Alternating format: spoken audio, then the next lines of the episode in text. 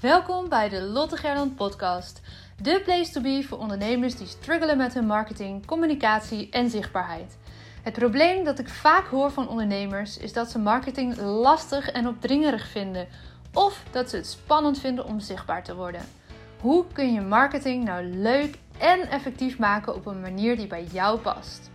Wat je nodig hebt is dit: een heldere bedrijfsboodschap en een concreet marketingplan dat werkt zodat je kan verkopen vanuit verbinding en je bedrijf kan groeien. Dus terwijl je lekker deze podcastaflevering luistert, ga naar watchyourstory.nl en download het gratis e-book Verkopen vanuit verbinding. In dit e-book vind je de belangrijkste vragen die jij per fase van een kennismakings- of salesgesprek kan stellen aan jouw potentiële klanten. Ook leer je hoe je vriendelijk de meest voorkomende bezwaren kunt weerleggen. Zoals ik heb geen geld, geen tijd of ik wil nog even overleggen. Print het direct uit en gebruik de vragen vandaag nog. Voor nu super fijn dat je weer luistert. Elke dinsdag krijg je een gaaf interview en elke vrijdag spreek ik in deze podcast met Paula Dillema.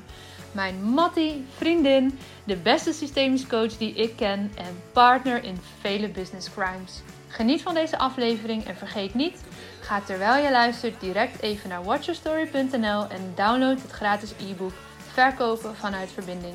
Op naar meer klanten, meer omzet en vooral meer impact.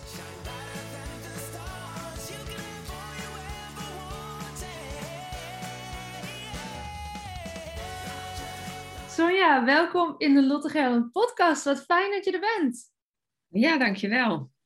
Heel veel zin in. Ja, zo leuk. We zijn elkaar uh, via via een beetje online eigenlijk tegengekomen. We kennen elkaar verder ook nog nauwelijks. Vind ik heel leuk, want dan kan ik je alles vragen waar we maar uh, over te spreken komen. Maar ja. voor we dat gaan doen, ben ik heel benieuwd. Um, wie is jouw grootste inspiratiebron? Nou, op dit moment, maar dat verschilt wel, maar nu alweer een tijdje Kim Munnekom.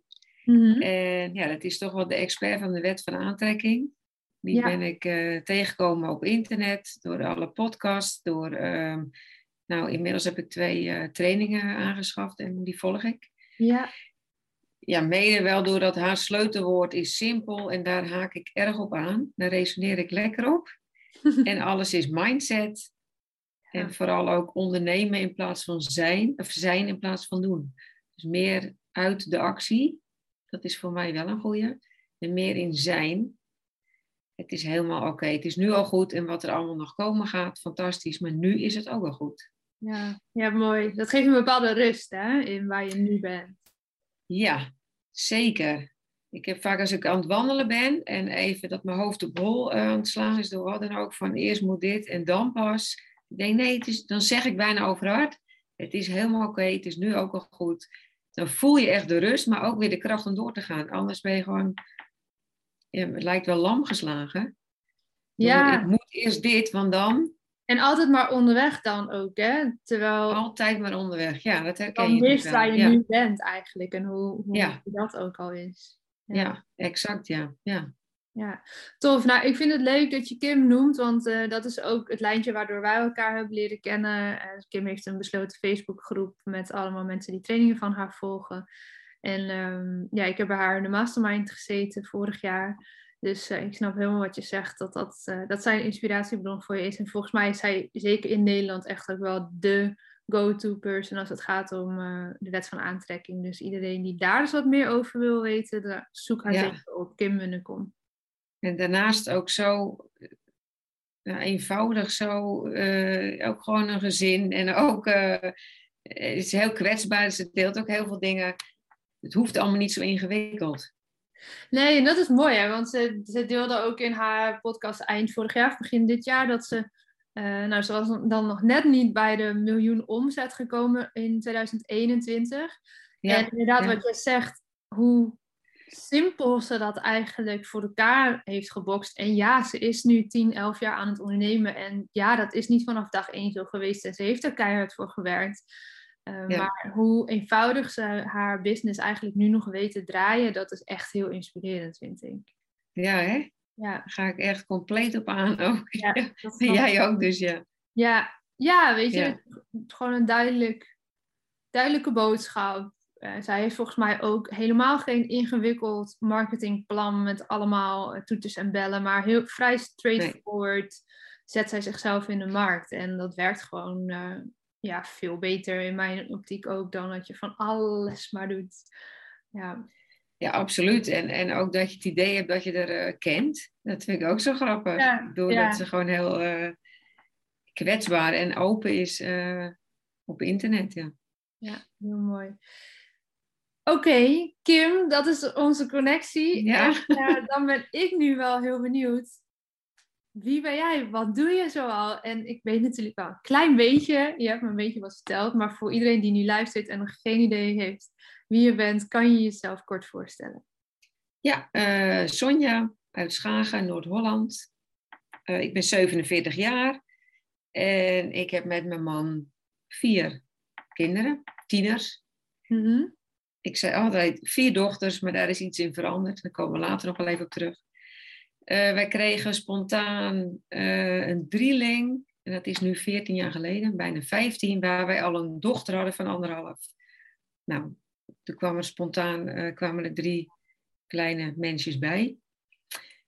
Dat ben ik. Ik ben dus moeder van vier. ik heb eigenlijk mijn hele leven bij de HEMA gewerkt. En daar was ik drie jaar geleden wel helemaal klaar mee. Toen ben ik voor mezelf begonnen als professional organizer. Uh, ja, dat, dat zijn toch wel de grote dingen in mijn leven. Ik geniet erg van het buiten zijn, uh, het voor mijn gezin zorgen.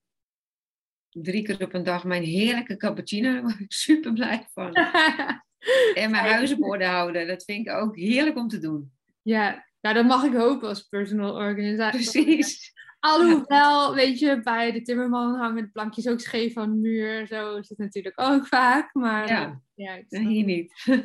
Daar niet, oké. hey, laten we dan... Uh, die twee dingen die lopen natuurlijk in elkaar over. Maar laten we eens beginnen met dat, dat verhaal van uh, vier kids. Jullie hadden al een dochter en ineens komen daar drie bij. Hoe dan? Hoe dan? ja, dat gaat eigenlijk vanzelf. Daar heb ik niet zoveel voor gedaan. Maar Nee, uh, ja, het is eigenlijk ook wel bijzonder hoe dat begon. Uh, de zwangerschap van de eerste duurde eigenlijk nou, wel anderhalf, twee jaar. Best lang vonden wij. Toen was ik dertig. Dus we wilden best wel snel aan een tweede kindje beginnen. Nou, ik bleek binnen, ik weet niet hoe lang, eigenlijk direct wel zwanger te zijn. En met de echo van de eerste echo, moet je me even helpen, want jij bent er wel echt net uh, wat, wanneer heb je de eerste echo? Mijn eerste echo was volgens mij met een week of negen, vrij vroeg. Ja, hè? Een week of acht, negen. Nou, toen werd er eigenlijk maar één vruchtje toen nog gezien.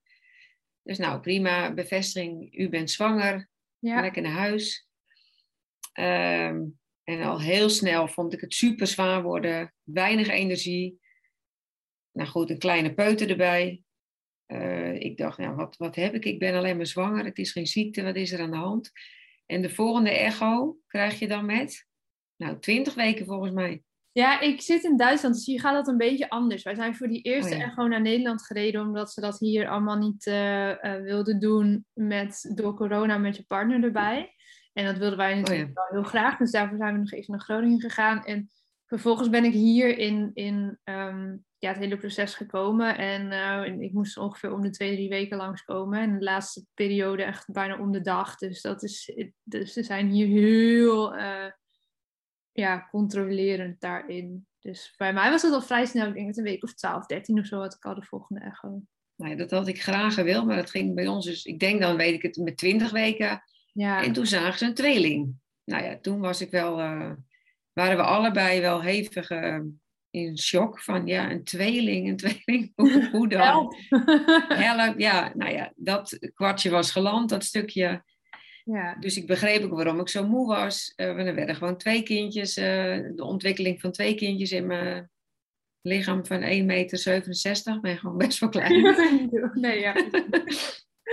ja, dat, dat verklaarde een hoop. Ja, snap ik. En toen zei de verloskundige, we gaan over drie weken naar de tweeling kijken in het ziekenhuis in Den Helder. Ja. Nou, die afspraak had ik met mijn moeder staan, want mijn man moest gewoon werken. En toen lag ik daar en toen zei degene die de echo heeft gedaan, ik haal er even iemand bij. Oké.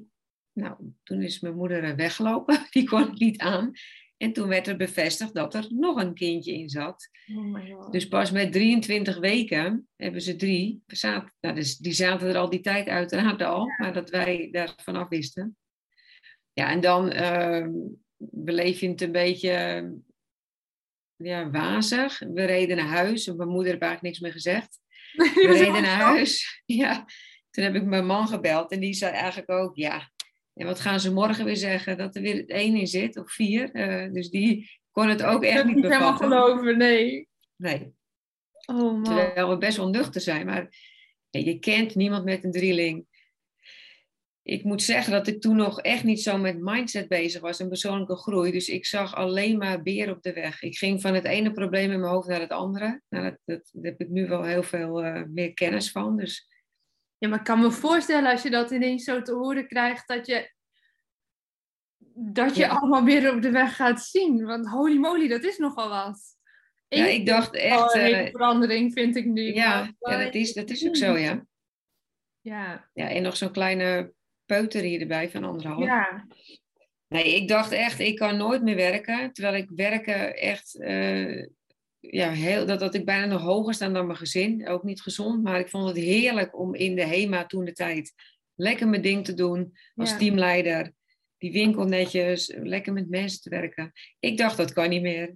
Ik dacht, eh, financieel gaan we dat nooit redden. Ruimte in huis hebben we niet. Eh, onze, onze relatie gaat het niet redden. Nou, dat waren, waren allemaal behoorlijke negatieve dingen wat Ja. er allemaal langskwam. Wat Hoe ik ben je daarmee wel... omgegaan met dat? Want ik, ik snap, het lijkt me heel menselijk dat die gedachten bij je opkomen. En, eh, maar ja, je, je moet daar toch ook dat ergens weer een soort van rustig plekje geven, lijkt me. Want ja, er groeien wel drie baby's in je buik en, en dat gaat wel door. Ja, ik denk mede door de mensen om ons heen. Ehm, ook wel nuchter. In het ziekenhuis werd wel aangeraden om met maatschappelijk werkster te praten. Maar ja, daar wilde ik eigenlijk alleen... Op dat moment wil je alleen maar weten hoe komen die kindjes eruit. Nou, dat kon zij uiteraard niet vertellen.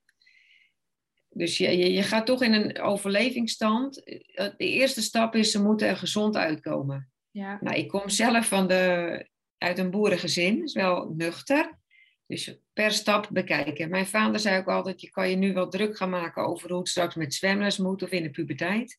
Het gaat nu, wat is de eerste ding wat geregeld moet worden? Nou, dat was een bedje erbij, een grotere auto, dus allemaal praktisch. ja, Je werk regelen, meteen stoppen met werken. Toen ik hoorde dat er inderdaad drie in zaten, meteen van, ik werkte toen nog twee dagen, denk ik, meteen gestopt. ja. Eh, gezorgd voor opvang voor de oudste. Nou ja, en dan ga je van controle naar controle, wat jij ook een beetje gehad hebt. Zulke controles had ik toen ook bijna elke week. Alles om te zorgen, eh, om te checken, gaat het goed met alle Ja. drie? Gaat het Je goed wordt met meteen jou? medisch en meteen, eh, ja, van alles wordt gecheckt.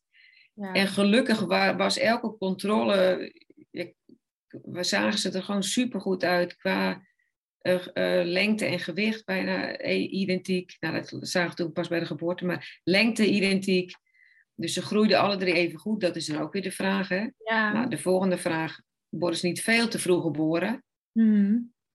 En elke keer bij de controle ja, was, de, was ook de vraag, eh, is er al ontsluiting? Want dan moet je gewoon hier blijven.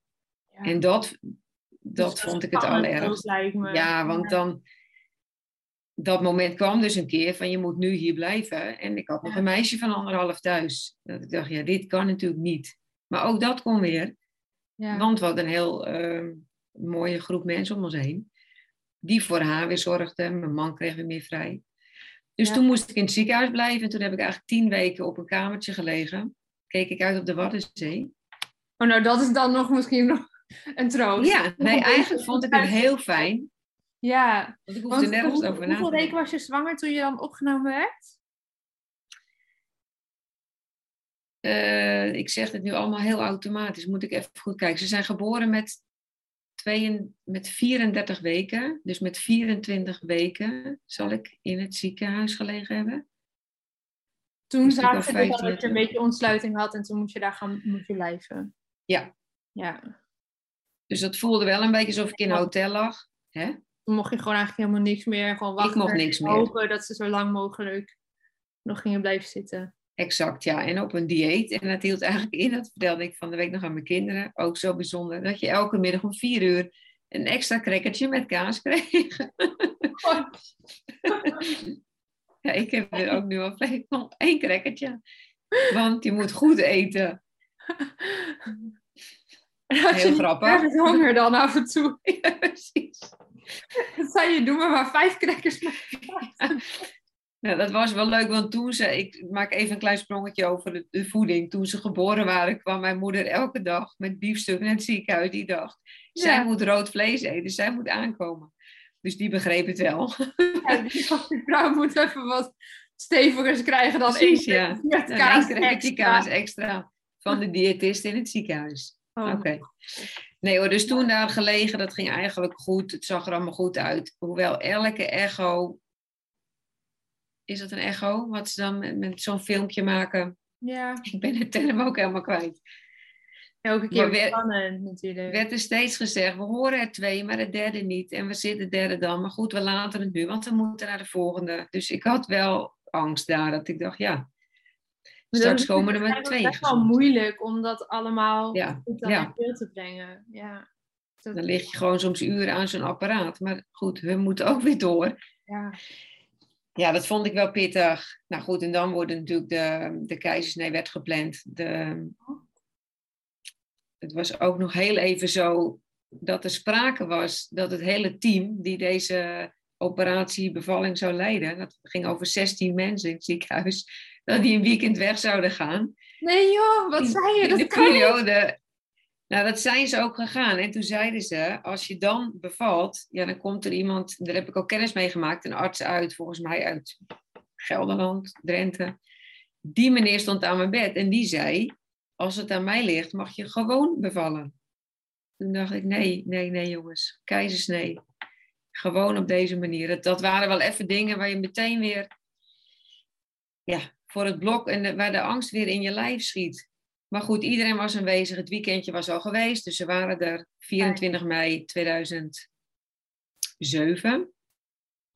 Is de uh, keizersnee, de bevalling gepland om drie uur. En het grappige was, één jaar ervoor, op 24 mei om drie uur, zijn wij getrouwd. Gaven wij het jaarwoord. Ja. Ook een bijzonder dingetje. Ja. Nou goed, de hele keizersnee, dat ging allemaal prima. Uh, ja, wat dan bijzonder is, is dat er gewoon drie kindjes met donker haar eh, uit mijn buik geteeld werden. Ik had een blonde peuter, puber, peuter, een peuterdochter. En er kwamen drie donkere meisjes uit. Ah, door, door middel van de keizersnee. Ik heb er zelf niks voor hoeven doen. Je bent behoorlijk verdoofd. Ja, dat was een hele rare gewaarwording. En dan heb je een steeds... eentje die bij je komt, wat je dus ook al had meegemaakt. Maar ja. Drie, zo. Drie inderdaad. En steeds de vraag, wie is wie? Ik wist het niet meer. Ik zei alleen, de eerste is Jill, de tweede is Brit en de derde is Fiep toen de tijd. Ja. En die werden alle drie in de couveuse gelegd, op elkaar en zo de gang opgereden. Ja, en, en en dan moet je ja. hopen dat zij even een goede naam op het goede dingetje... Exact, ja. Dat hopen we nog steeds dat het goed gegaan is. Dat weet je, kan je ook nooit meer achterhalen. kan je nooit meer achterkomen. nee hoor. Trouwen dan. ja. Nee hoor, en toen kwam er een tijd aan van uh, kindjes in het ziekenhuis gebleven. Dat ging eigenlijk hartstikke goed. Groeide goed. Hoewel bij één ook weer een infectie was. Dus toen kwam de kinderarts. Ik heb goed en slecht nieuws de twee andere kindjes groeien goed en die mogen naar de groeikamer. En er heeft er één een infectie, die mag je niet meer optillen, moet in, het, in de couveuse blijven. Mm. Nou, er is de angst als uh, moeder, ik moet een band met alle drie opbouwen, ze moeten eruit, ze moeten bij me liggen. Nou, en zo ga je steeds van angst naar vertrouwen, het gaat goed, stap voor stap. Ja. En ik denk dat ik toen zelf met een week naar huis mocht dan zit je thuis en dan ga je steeds inbellen, gaat het wel goed daar? Dat is ook, lijkt me ook een rare gewaarwording, dat je dan zelf thuis zit en drie baby's liggen in een ziekenhuis en je bent daar niet, ja. nou denk ik, het gevoel dat ik daar de hele tijd naast wil zitten of zo. Zoals je dat thuis ook zou doen met een nieuwe baby. Ja, ja en nee. Het gaf natuurlijk ook rust en het, thuis trok ook omdat hier nog een meisje was, die veel bewuster was dan de drie kindjes die goed worden verzorgd in het ziekenhuis. Ja. Maar wel de angst steeds, straks bellen ze dat het niet goed gaat. En het is ongeveer een half uurtje rijden. Maar we konden hier wel slapen, want daar werd alles gedaan. Dus Ja. ik heb het echt wel heel praktisch allemaal ervaren. Ja. En, en aan de ene kant is dat natuurlijk ehm, fijn dat je samen dat allemaal zo gered hebt. Maar aan de andere kant, het, wat je met zo'n eerste kindje hebt, eh, er wordt aandacht gevraagd, kom even bij me zitten, je hebt honger. En dat, dat was er gewoon niet. Het is wel echt in een heel strak schema. Is die hele kleine kindertijd zijn we doorgekomen. Ja, ja, want anders is dat niet te doen natuurlijk. Nee, want in het ziekenhuis hadden ze om de drie uur een fles. Nou, dan mogen ze uiteindelijk naar huis met een week of acht, denk ik, hebben ze daar nog alleen zes. Toen konden ze naar huis. Nou, dan, dan moet je hier van om de drie uur een, een fles, eh moet er weer een uurtje bij. Je wordt het om de vier uur. Nou, dat is natuurlijk een, een crime, want er één wordt wakker. Allemaal wakker. En dan hadden we nog een meisje van anderhalf Marijn daarnaast. En we wonen in zo'n drive-in woning. Dus we konden uiteindelijk de drieling helemaal beneden in de tuinkamer neerleggen. En wij helemaal boven met een babyfoon. Ja, dat zijn geen normale dingen. Maar dan lieten we ze maar huilen. Totdat de vier uur om was. En dat wil je natuurlijk ook niet. Maar dat kon niet anders. Want van vermoeidheid konden we niet eens meer op onze benen staan. Victor en ik. Zo moe waren we. Maar ook dat helpt, hielp, want eh, eh, nou ja, om de vier uur, dus laten huilen en dat een aantal nachten. Nou, dan konden ze daar weer uit het campingbedje na zoveel nachten, want dat schema zat erin geprogrammeerd. Mochten ze weer naar boven naar ons toe. Oh Ja. God. En ook wel gevoed met een, eh, dat, ze- dat ze zelf het flesje konden nemen met een voedingskus en een handdoekrolletje eronder. S'nachts dat ik gewoon mijn oefeningen kon doen voor mijn bekken, om die weer een beetje eh, Ja, dat, daar hebben we het over gehad, over jouw herstel. Ja, ja. Nee, dus het werd allemaal heel praktisch ingevuld. Goed, is dat erg? Nee, dat is ook de overlevingsstrategie. Dat was echt nodig. Ja, ja, ja, wat je zegt, dat is dan nodig. En ja, wat een start met die drie. En heel veel natuurlijk in de tussenliggende jaren gebeurd. Maar ik wil met jou op, op één ding eh, voor deze podcast gaan inzoomen. Eh, want je noemde het net al eventjes. Eh, ja, vier meiden. Maar daar is een verandering in gekomen. ja, een hele mooie Dan- verandering. en- Ook wel. Fast forward naar wanneer, ja, wanneer kwam daar verandering? En wat voor verandering? Nou, letterlijk bij een van de drie, eh, vorig jaar met Moederdag, kreeg ik een brief van haar. eh, een hele mooie brief, kwetsbaar. Dat ze zich niet eh, als meisje voelt, maar echt als jongen. En ja, heel mooi verwoord. Het- Het is ook de meest stille van de drie. Dus het, het, het- we hadden ook wel het idee, dit speelt al veel langer bij haar. Anders dan...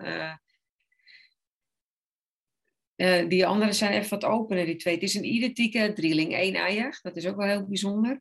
En, en ja, we hebben, zelf hadden we ook altijd wel eh, dat ze wat stoerder was. Jongenskleding, maar goed, dat wil niet meteen zeggen dat jij totaal niet goed in je vel zit als meisje, lichamelijk. Ja, heftig. Dat vond ik toen wel heel heftig. Dat heb ik natuurlijk niet letterlijk zo laten merken. Vooral er voor haar zijn. Nou, en ook daar weer mee, dan ga je kijken, hoe kunnen we hier hulp bij krijgen? Ja. Uiteraard is het gezin bij elkaar geroepen. En dat vind ik wel heel mooi, hoe de zussen erop reageren. De, de twee van de drilling, die zijn eigenlijk nog steeds... ja, er hoeven helemaal geen woorden aan vuil gemaakt te worden. Die lezen en schrijven met elkaar en die hebben gewoon geen woorden nodig. Bijzonder, hè? Ja, heel bijzonder, ja. Nou, en nu zijn we dus, nou, dat is dan bijna een jaar zo, met Moederdag verteld. Een paar weken later hebben we de kappen gebeld. Ze hebben alle drie, hadden ze prachtig, lang, donkerbruin, heel dik haar. Nou, dat moest eraf bij Fiep, in dit geval. En het gekke was het eigenlijk dat haar stond nooit echt zo mooi zoals bij die andere twee. Dus het ging eraf en dingen klopten gewoon. Ik denk, ja, nu komt steeds meer eh, ja, de ware, eh, de fiep naar boven. Ja, en dan krijg je periodes van dit is nu even voldoende mijn haar eraf. En dan krijg je, ik wil dat jullie me hij noemen. Ja, heel erg lastig als je eerst zegt vier dochters en voelt en weet. En dan wordt het opeens mijn kinderen en eh, hij. En dat hebben alle twee, mijn man en ik, best wel moeite mee gehad. Maar ook dat, want we zijn er nu weer daar acht maanden verder van. En denk, ja, het is hij. Ja. En dat is oké. Nou ja, vorige week kwam er eigenlijk, eh, ik wil dat jullie me, natuurlijk al een beetje over een andere naam gehad. Maar nu moest het eigenlijk wel dat we ook eh, die gaan noemen, Vins. Mhm. Dus we hebben nu drie meiden en een jongen Ja. met een mode, nodige emoties erbij. ja, en ook nog zo in het nu. Het gebeurt nu, as we speak eigenlijk. Dat je zegt, vorige week Ja, is een Ja, hem dan bij een nieuwe naam. Ja. Ja, dus nog midden daarin. ja, want de echte hulp die je van buitenaf kunt krijgen, nou, er zijn natuurlijk enorme wachtlijsten voor. Ja, Dus we hebben wel een hele fijne psycholoog in de buurt. Echt heel fijn. dat is mooi. En ik zeg ook steeds, je bent nooit te laat in je eigen leven. Dus het, het feit dat we zo lang moeten wachten, ja, wachten we. We zijn eigenlijk gewoon, we zijn niet afhankelijk van iemand die van buitenaf zegt, jij mag je een jongen voelen, dus dan gaan we bij in de gang. Ik heb altijd benadrukt, als dit zo is, en dit is zo, en dat zie ik in alles, is dat helemaal oké. Ja, En wat ik dan weer heel mooi vind, dat zonder dat mijn man en ik er weet van hebben, hebben ze met z'n drieën een nieuw geboortekaartje gemaakt. Oh, En een hele mooie tekst erop. Oh, En wat liefdevol ook eigenlijk. Ja, heel mooi. Ja. ja, met een nieuwe naam. En die moest dan op 22 februari 2022, vorige week dus, Ja, eh, verstuurd worden. En daar heb ik bij geholpen. Naar wie versturen we dat? Maar die, dat hebben ze helemaal met z'n drieën eh, gedaan. wauw. Wat bijzonder. Ja, En wat liefdevol. absoluut, ja. Ja. En daarmee, eh, ja, dan groei je ook als moeder. Dat, dat ze daar de ruimte voor voelen. Dat ze dat met elkaar doen. Ja, Eh, en de oudste wordt weer op hele andere dingen erbij betrokken. Die is dan 16. Ja, dat, dat- ik, dus aan de ene kant, natuurlijk is het eh, best wel heftig om van een dochter naar een zoon te gaan. Maar ik moet zeggen, als ik er aankijk of hij hem aankijkt, zie ik dat meisje er ook niet meer in. Dus dat is, is een proces wat, wat eh, helemaal goed is. En aan de andere kant ben ik heel dankbaar dat ik erin mag begeleiden in dit hele proces. En ik dacht net even voordat eh, dat wij in gesprek waren, het, het, ehm, dat mijn man toen buiten zat met mij en die zei, oh dat hij, dat vind ik echt wel een ding, dat vind ik echt heel erg om te zeggen. Om straks hij tegen mijn dochter te zeggen. Toen zei ik ook, het gaat echt niet om ons. Eigenlijk gaat het nooit om ons. Het gaat om die kinderen zelf. Wij begeleiden ze alleen maar. Wij zorgen voor de ruimte. En toen voelde ik dat zo sterk en elke keer haal ik dat wel weer omhoog. Het gaat niet om wat ik ervan vind. Ik heb mijn eigen proces. De oudste heeft haar eigen proces daarin. De naaste zusjes hebben hun eigen proces. En dat is helemaal oké. Ja. ja, en je man dus ook net zo. Ik, want ik kan me voorstellen dat ook al gaat het niet, niet om jullie in dit geval en gaat het om hem, dat het. ehm, het is ook heel eerlijk dat hij dat dan eigenlijk wel zo benoemt van je ook vind het echt, echt wel ingewikkeld. Ja, ja, ja, ja. ja. En, en het leuke is dat we elkaar nu echt wel corrigeren. En dan zitten we op de bank en dan gaat over die kinderen. zeggen we nog Fiep. Omdat ik het soms ook gewoon nog lastig vind om nu al Vins te zeggen. En dan kijkt hij maar. Nee, Vins is het. Oh ja, laat het gewoon er maar in. Ja, en dat gaat straks ook normaliseren. Maar het is ook Ja. logisch toch dat dat een beetje tijd nodig heeft. Ik zou het gekker vinden als dat niet zo was. Ja, en wat je zegt, dat is echt zo. Het gaat ook normaliseren. Het wordt straks, het hij is, het, ik kan geen zijner zeggen, want dat klopt niet. Nee. Hij voelt toch niet 100% als een, als een warme deken. Dus het is nog even iets wat er tussenin zit. En dat zie ik bij hemzelf ook. Dat tussen twee identiteiten bijna in hangen. En dat geeft Ja, best maar wel... het is toch ook heel normaal dat daar, dat zowel voor hem als voor jullie, als voor iedereen die daarbij betrokken is, ehm, dat je voor zo'n zo'n enorme transformatie, dat daar ook tijd voor nodig is. Dat daar tijd overheen gaat om van A naar B te bewegen. Dat heb Ja. je al met, met kleinere transformaties in het leven, denk ik. Maar dit is zo wezenlijk. Ehm, Ja, maar je, ik denk dat je ook nu je ook moeder bent, dat je ook ehm, wel kan voelen dat je het eigenlijk de weg wil vrijmaken en dat gewoon geen problemen voor die kinderen. Alles wat je direct kan oplossen, graag.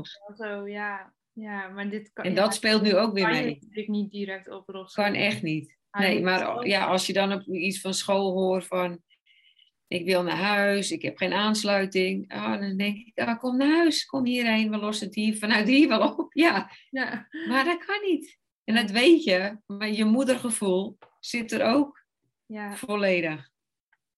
Het is mooi dat er ook beide mag zijn en dat je kan kiezen waar je naar handelt. En, eh, Ja, en, en gaan de verschillende situaties ook verschillende eh, reacties vragen. En de ene keer is dat van, nou schat, eh, blijf maar gewoon op school en eh, het komt goed daar. En de andere keer is het misschien wel, nou kom maar even verstoppen in mijn armen en even die veiligheid en die liefde. Ja, Ja, ja helemaal waar, ja. ja. Ja. Dat leer je al meer als je met jezelf ook aan de gang gaat. Ja. ja. Niet steeds primair reageren, maar inderdaad even van een afstandje kijken. Wat is er nu nodig? Ja en wat, is, wat helpt hem uiteindelijk echt het best daarin? Ja, ja, primair zou je denken, oh kom maar bij me en, en die knuffel en die veiligheid en kom maar naar huis. Terwijl, ja, dat, het kan zijn dat dat heel behulpzaam is, maar soms helpt het natuurlijk ook, en dat, dat weten we ook uit ons eigen leven, om juist eh, even door eh, ja, iets moeilijks heen te gaan of iets wat even niet zo leuk is, omdat je dan ervaart, oh het valt misschien toch wel mee of ik kan dit toch wel. Ja, absoluut. En wat ik ook is de dag wat minder leuk op school. Ja, en dat is natuurlijk helemaal niet erg. Want, eh, ja. Maar wat ik wel grappig vind, is dat ik daar nu met mijn man, die herkent zich heel erg in hem. En Mhm. andersom, Mhm. dat je daardoor ook eh, beter begrijpt. Want ik had alleen maar dochters. En ik ben zelf een vrouw, dus ik, ja, die reageert. Niet dat elke vrouw eh, hetzelfde reageert, maar ja, dat, dat zijn hele andere die, die. Als Vins Fiep uit school komt, wordt er niks gezegd. Het is heel even kort, hoe is het, punt, en gaat naar boven. Dat ben, was ik helemaal niet gewend.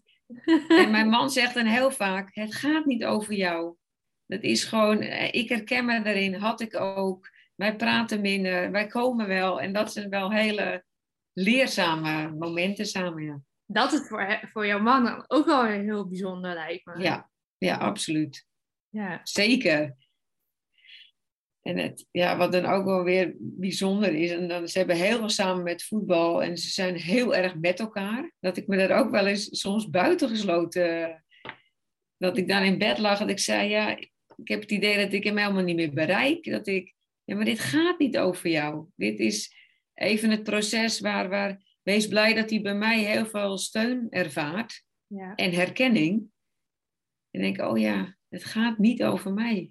Nee, maar en tegelijkertijd mag jouw proces er ook zijn, hè, daarin natuurlijk. Dat, het gaat niet over, over jou in die zin, maar tuurlijk doet het ook iets met jou als moeder. En is er voor jou ook een proces waar je doorheen gaat. En dat hoeft misschien Ja. niet op hem geprojecteerd te worden, ehm, maar ja, tuurlijk ga, je, maak, ja, ga jij ook door een bepaalde transformatie van moeder van vier dochters naar moeder van drie dochters en een zoon. Ja, dat, Ja, dat is ja. een verandering voor jou. Die er wel Zeker. zijn natuurlijk. Maar ik moet niet verwachten dat. ehm, ja, de, de, dat Fiep Vince mij dat gaat. eh, hoe zeg ik dat? Ik kom even niet uit mijn woorden. Ik weet niet hoe ik dit kan verwoorden. Zo open en. Open en, en eh, alles willen delen wat ik met mijn oudste dochter heel erg merk. Ja, dat is niet bij alle vier. En dat is natuurlijk helemaal niet erg. Maar als je dat gewend bent, dat het toch wel de manier is hoe je met het gezin Ja.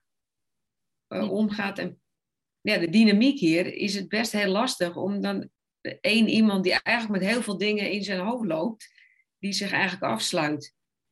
Ja, het kan voor misschien ook heel fijn zijn dat je af en toe daar wel iets over deelt wat het met jou doet, toch? Want ehm, dat opent het misschien ook wel het gesprek weer een beetje met hem af en toe. Ik bedoel, hij snapt heus ook wel dat zijn moeder door, ook, ook daaraan moet wennen en door een proces Ja. En dat is niet aan hem om dat voor jou te moeten oplossen of zo. Maar het is natuurlijk ook wel, je bent ook wel weer, denk ik, als ouder een voorbeeld als je kan benoemen ehm, dat het voor jou soms ook af en toe even lastig is. Of dat je zeker, ja. dat je weet of eh, wat het met je doet.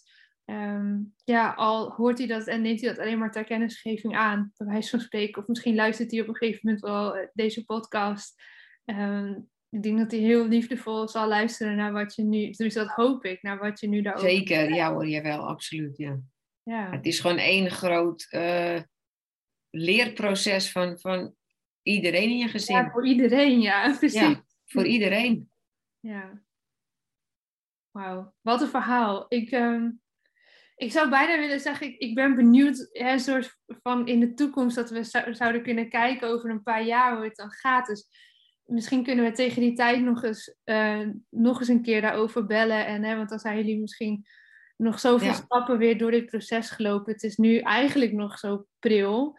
Ehm, maar ik denk dat het ehm, heel waardevol is dat je hierover deelt. Want er komt misschien wel steeds meer aandacht voor. Er mag meer over gesproken worden.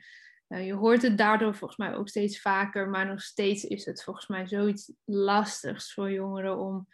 En, en voor hun ouders om Ja. hier ehm, ja, een open gesprek over te kunnen voeren. Om daar voor, ja, voor uit te kunnen komen. Klinkt zo negatief, maar Nee, zeker, want ook daar weer kunnen wij het heel praktisch bekijken. Eh, zit je met een probleem met omkleden, met gym op school?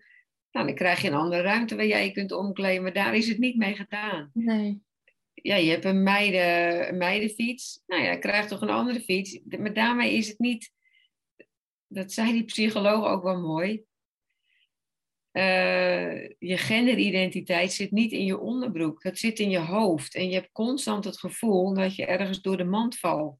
Mhm. Dat je... Ja, daarom moest die naamsverandering ook wel snel komen, vond hij. Want ja, je ziet gewoon echt een jongen. En dan sta je in een groepje en iemand vraagt wie ben jij? Ik ben Fiep. Hij zegt, ja, dan voel je gewoon helemaal door de mand vallen. Ja. En, en ik heb me daar wel in vergist. Want ik, ja, wat ik zeg, ik, ik hou ook wel van oplossingen en het praktisch bekijken. Maar deze dingen kun je niet door middel van doe het even zo en zo. Hè? Het is toch helemaal niet erg, je mag toch zijn wie je bent? Ja, ga er maar aan staan. ja, ga er maar aan staan inderdaad. Ja, Ja, nou fantastisch dat ze dat eh, ook met de kids onderling zo'n prachtig mooi geboortekaartje hebben gemaakt. En dat een nieuwe ja, en eigenlijk daarmee dus zijn nieuwe identiteit nu, eh, nou ja, de zaakjes staat. Ja. geboren is. ja. Ja. prachtig. leuk, ja. Ja, er valt niet een makkelijk bruggetje te slaan naar een heel ander onderwerp wat we eigenlijk ook nog wilden gaan bespreken. Tenminste, misschien is die er wel, dan mag je me daarin meenemen.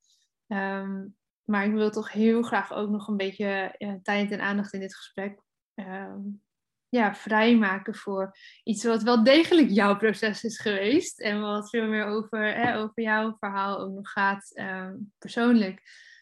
Namelijk, jij hebt mij verteld, en dat noemde je ook al even in het begin van dit gesprek, dat je heel lang eh, bij de HEMA hebt gewerkt. En toen dat je er eigenlijk een paar jaar geleden helemaal zat van was en iets anders wilde en voor jezelf bent gestart.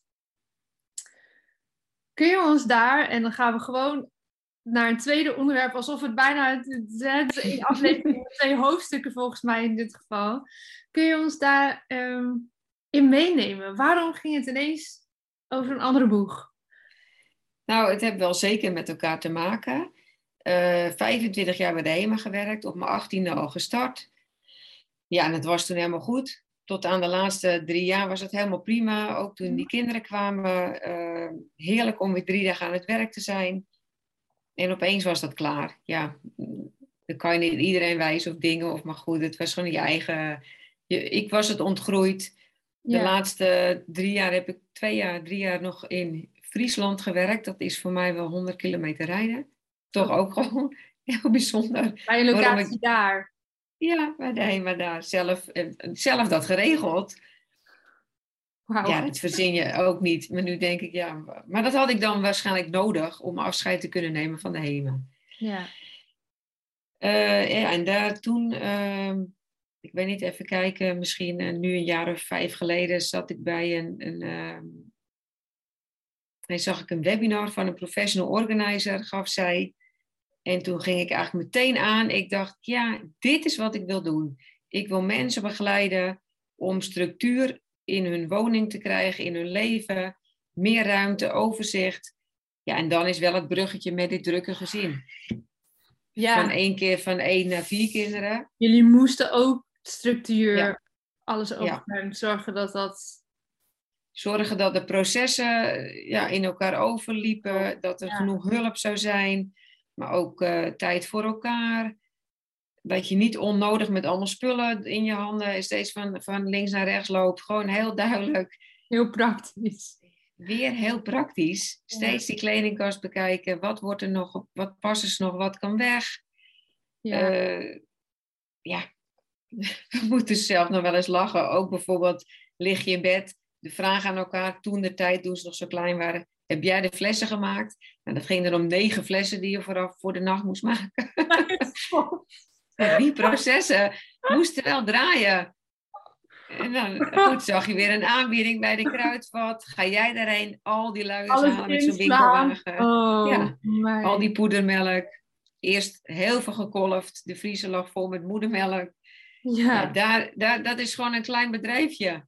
Ja. Wie brengt het oudste meisje naar de opvang of naar oma? Is oma, daar z- zijn opa en oma er? Eh, kan jouw zus morgen komen om zijn bad te doen?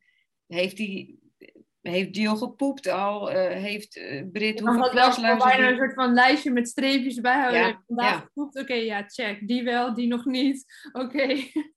Dat Ja, en niet dan nog? onthouden. Je nachtrust en aan elkaar toekomen en, en eh, gewoon even niks. Ja, dat dat moet je plannen. een Goeie vraag. Misschien even voordat we zo verder praten over je switch qua werk. Ehm, hoe hebben jullie in hemelsnaam nog tijd voor elkaar vrij weten te maken? Ik denk dat dat, hè, als ik kijk nu naar onszelf, wij vinden dat al lastig met één baby en twee mensen die werken. Ik denk dat iedereen die luistert, die kinderen heeft, één of meer, zich daarin zou herkennen. Eh, maar als je van één peuter naar een peuter met nog drie baby's erbij gaat, hoe hebben jullie dat? Heb je daar een soort van magic tip voor of zo voor iedereen die luistert? Nee, Ik zit nu heel hard te denken, maar Het is natuurlijk al wel Nou, geleden, maar het eerste wat wel in mij naar boven komt is humor. Ga- ik vergeet nooit meer het moment dat Victor, mijn man, door de woonkamer liep met twee babytjes eh, zo op je arm. Hè, dat ze op Mhm. hun buik op je arm liggen voor buikkrampjes. Heen en weer, heen en weer. En dat je ja, eigenlijk kan denken, nou, dit is absurd. ja. Maar daar ook weer heel erg met het ontbijt om kunnen lachen van Jezus, wat gebeurt hier allemaal? Ja, en dat verzacht echt wel een hele hoop. ja. En ook eh, ja, onderling, wat heb jij nodig? Nou, ik heb nodig om er wel even een avond met mijn vrienden op stap. Nou, dat is toen wel een keer gebeurd. Dan heb ik s'nachts gebeld. Wil je alsjeblieft naar huis komen? Want de oudste is ook wakker en die heeft ook aandacht nodig. Ja. Uit de kroeg. Ja, ik kom er nu weer aan. Dus er voor elkaar zijn ook. En niet zuchten dan thuiskomen. Maar gewoon prima. Ik heb even met mijn vrienden gestaan. En nu kom ik weer thuis. Ik moet zeggen dat ik meer tijd voor mezelf nodig heb. Nog steeds dan mijn man. Dus dat scheelt ook. Eh, ja, en heel veel eh, ons netwerk gebruikt. Toch echt die oma gevraagd. Kunnen al die kinderen naar jou, naar jullie, opa en oma? Dan kunnen wij even een uurtje ja, wandelen, eh, een cappuccino drinken, even lunchen, ergens zitten. En dan gaat het ook weer over die kinderen, maar dat is helemaal niet erg, want dat is het onderwerp wat dan wel heel groot is in je leven. ja. En, en ja, ik denk met toen ze een jaar of drie waren, toen zijn we elk jaar gewoon een week met elkaar op vakantie gegaan, met z'n tweeën. Wat En dat goed. vond ik ook absurd dat ik op Schiphol stond. Mijn vader had dus afgezet. Dat ik echt zei, wij kunnen toch niet weg nu? En dan gingen twee kinderen bij de ene open en twee bij de andere. En dat ging prima. En we hebben een, een prima week gehad. Alleen ik dacht daar op mijn vakantieplek altijd alweer, als ik terugkom, stap ik er midden weer volledig in. Dus geniet nou maar waar je nu bent, ja. Ik had nog even nagedacht over de gouden tip voor eh, ouders. Ja. En eh die kwam eigenlijk wel in me op. eh, doe datgene waar je goed in bent. En ga niet werken volgens een lijstje. Van ik heb uh, gisternacht de voedingen gedaan. Of uh, ik ben eruit gegaan, dus nu moet jij. Mm. Maar ik merkte bij mijn man dat dat ging hem best goed af s'nachts uit. Terwijl hij ook weer vroeg naar zijn werk moest. Dus laat hem dat lekker doen. Ook al ben jij vrij. Ja. Tussen haakjes, want je hebt gewoon je gezin en je huis. En doe allebei waar je goed in bent en wat weinig energie kost. Dat is inderdaad een hele goeie. Ja. En dan ben je, um, gaan doorvoeren. Eerst in jullie hele eigen huis, denk ik. Dat, dat werd een georganiseerd uh, bedrijf zo ongeveer, wat je net al zei. Ja, absoluut. Een jaar geleden zei je, volgde je een webinar van een personal organizer en dacht je, ja, maar dit kan ik ook gaan doen voor andere mensen. Absoluut, ja. En dan komt natuurlijk nog het moment dat je je baan op moet zeggen, durven zeggen, zetten. En om voor jezelf te kiezen. Eh, de laatste paar keren reed ik bijna huilend over de Afsterdijk terug naar huis. Dat ik dacht, ah, dit wil ik niet meer. Maar dan moet ik uh, mijn baan opzeggen. Dan is er geen inkomen, dat kan niet. Nou, met de nodige persoonlijke ontwikkeling aan de zijlijn. En een partner die zei, je gaat er niet doen, iets doen wat je niet meer leuk vindt. Stop ermee. Heb ik mijn baan opgezegd. En ehm, ja, de opleiding Professional Organizer gedaan. En toen is het balletje gaan rollen. Ja, je moet toch een stap zetten. En dan komen de andere stappen echt vanzelf. Dat is echt zo, ja.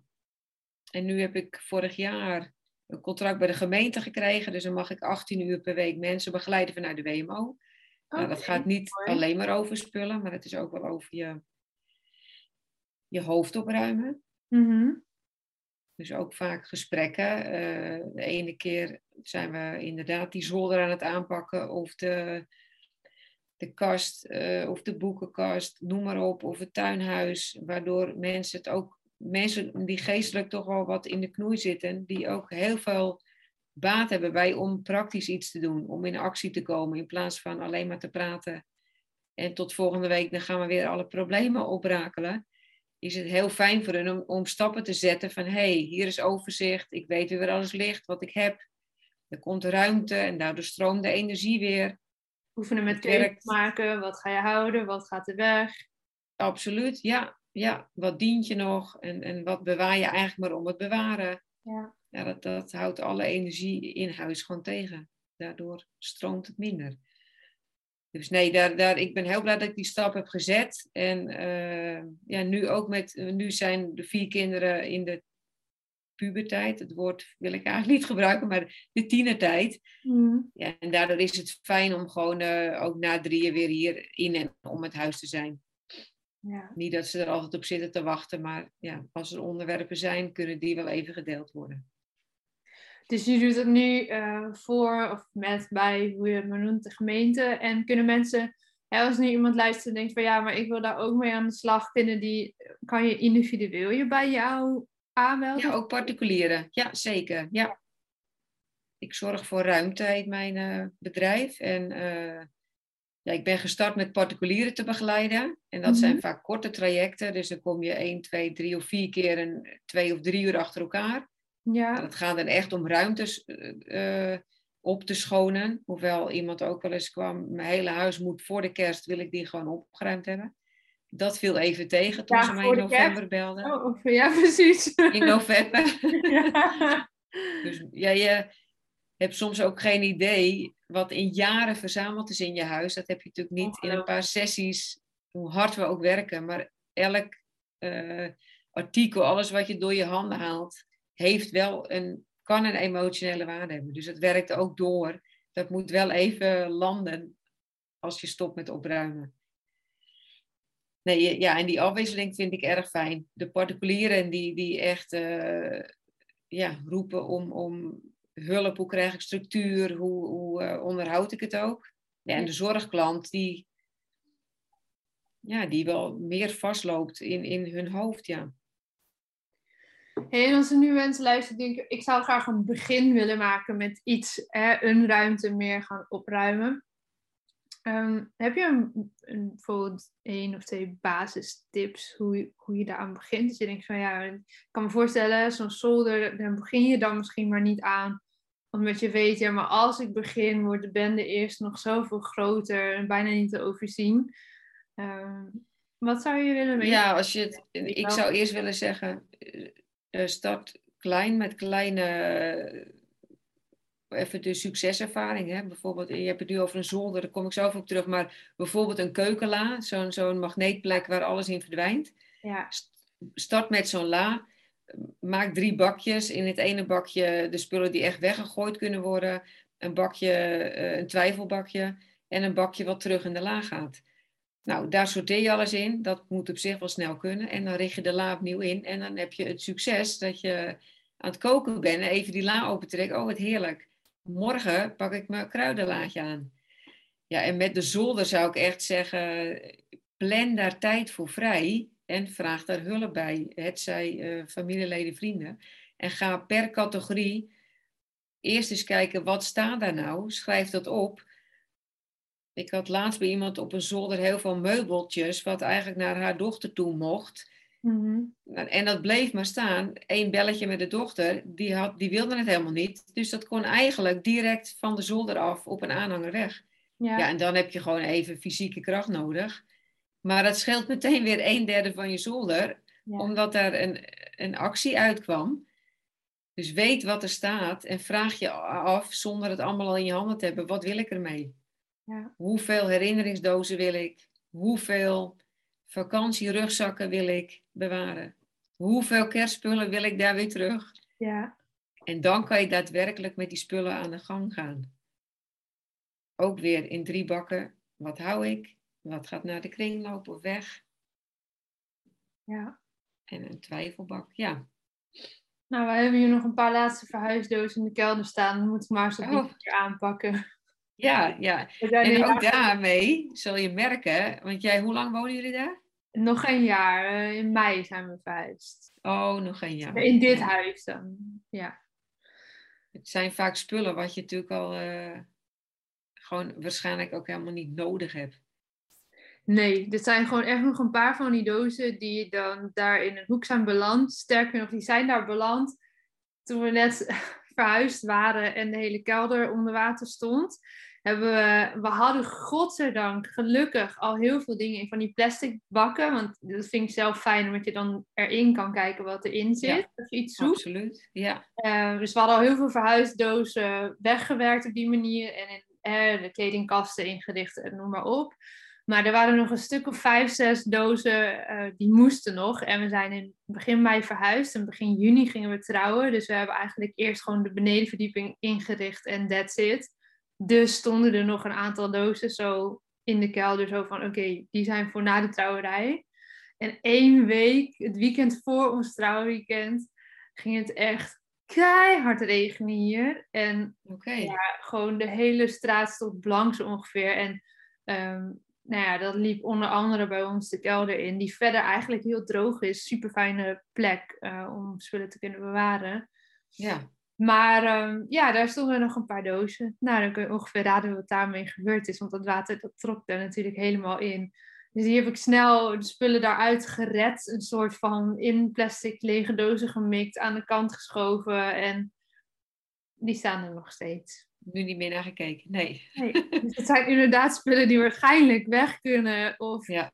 je niet echt meer nodig hebt. Ehm, ja, je denkt vaak, het zit in een doos en ik zie ze niet, dus het, het heeft geen invloed verder op, uh, op, op mij. Maar dat ja, vind maar ik ook je ziet Ik kom heel vaak in de kelder omdat we daar ook de wasmachine en zo hebben staan. Dus oh, ja. wil ik ze heel graag wegwerken.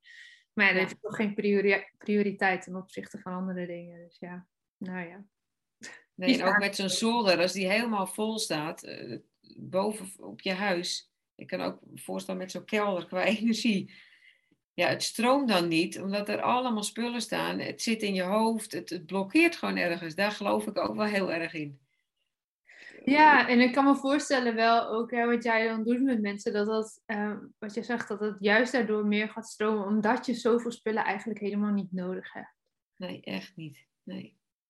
En dat het ook ik schaam me wel eens wat ik in mijn kledingkast heb hangen. Eigenlijk. Nou, ik denk maar een, een, trui of vijf en, en twee paar schoenen en twee goede spijkerbroeken. Ben je er eigenlijk ook wel? Ja, je bent er eigenlijk wel. En dan, ik had van de week een etentje met mijn ouders, die waren 50 jaar getrouwd. Ja, en dan denk ik, dan ga ik dan weer dat zwarte, nou eigenlijk kon het prima, een net soort blouseje. Ja, je doet even uh, een ander tasje of weet ik het, uh, een vest erover en dan kan het ook weer prima. Ja. ja, dat is ook zo. Nou, interessant denk ik voor iedereen om eens um, zelf mee aan de slag te gaan. En dat ze er niet uitkomen dat ze jou uh, maar eens even ja. gaan bellen of mailen of iets in die trant. Waar kunnen ze je vinden? ik zorg voor ruimte. Schagen.nl, internet. Schagen, om, ja, in de Noordkop werk ik dan. Ik zorg voor ruimte.nl. Ik zorg voor ruimte. Ja, professional organizer. Hey, mag ik jou bedanken voor dit bijzondere gesprek? Uh, we hebben eigenlijk twee, uh, twee hele mooie onderwerpen aan de kop gehad die wel degelijk met elkaar te maken hadden. En vooral, uh, ja, dankjewel dat je zo open hebt verteld over het hele proces. nou, allereerst met de zwangerschap en de periode daarna en ook nu met jullie prachtige zoon Vince. En ik ehm, hoop echt dat dat de komende jaren hem, uh, hem en jullie heel veel geluk gaat brengen. Dat hij hier uh, deze keuze zo heeft kunnen maken en zo liefdevol door jullie begeleid wordt daarin. Mooi samengevat, dankjewel. Ja, jij ook heel erg bedankt. Dankjewel voor het luisteren naar deze aflevering van de Lotte Gerland podcast. Ik vind het te gek als je deelt dat je hebt geluisterd, bijvoorbeeld via je Instagram stories. Tag me vooral, zodat ik jouw bericht ook weer kan delen. Samen bereiken we zo nog meer mensen en kunnen we nog meer impact maken. Tot slot, ik zeg het nog maar een keertje. Ga naar watchyourstory.nl en download je gratis e-book Verkopen vanuit verbinding. Zodat je niet langer hoeft te struggelen met het voeren van fijne kennismakings, intake of salesgesprekken. En als je nog even moed wil verzamelen voor je eerstvolgende gesprek, luister dan naar de heerlijke Watch Your Story song als afsluiter van deze podcast.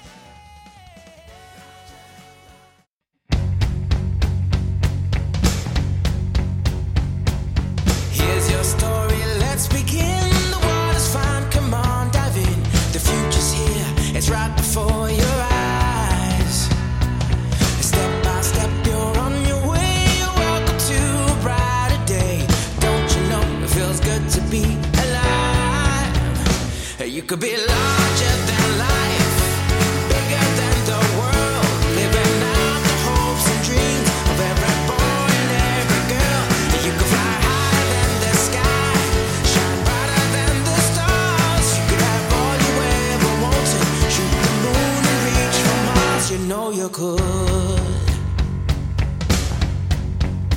Yeah, times are changing everywhere. Do we dream and do we dare? It's up to you, the door is open wide. Feel the rhythm of today, learn the part and join the play. The world is here, let's take it for a ride. You could be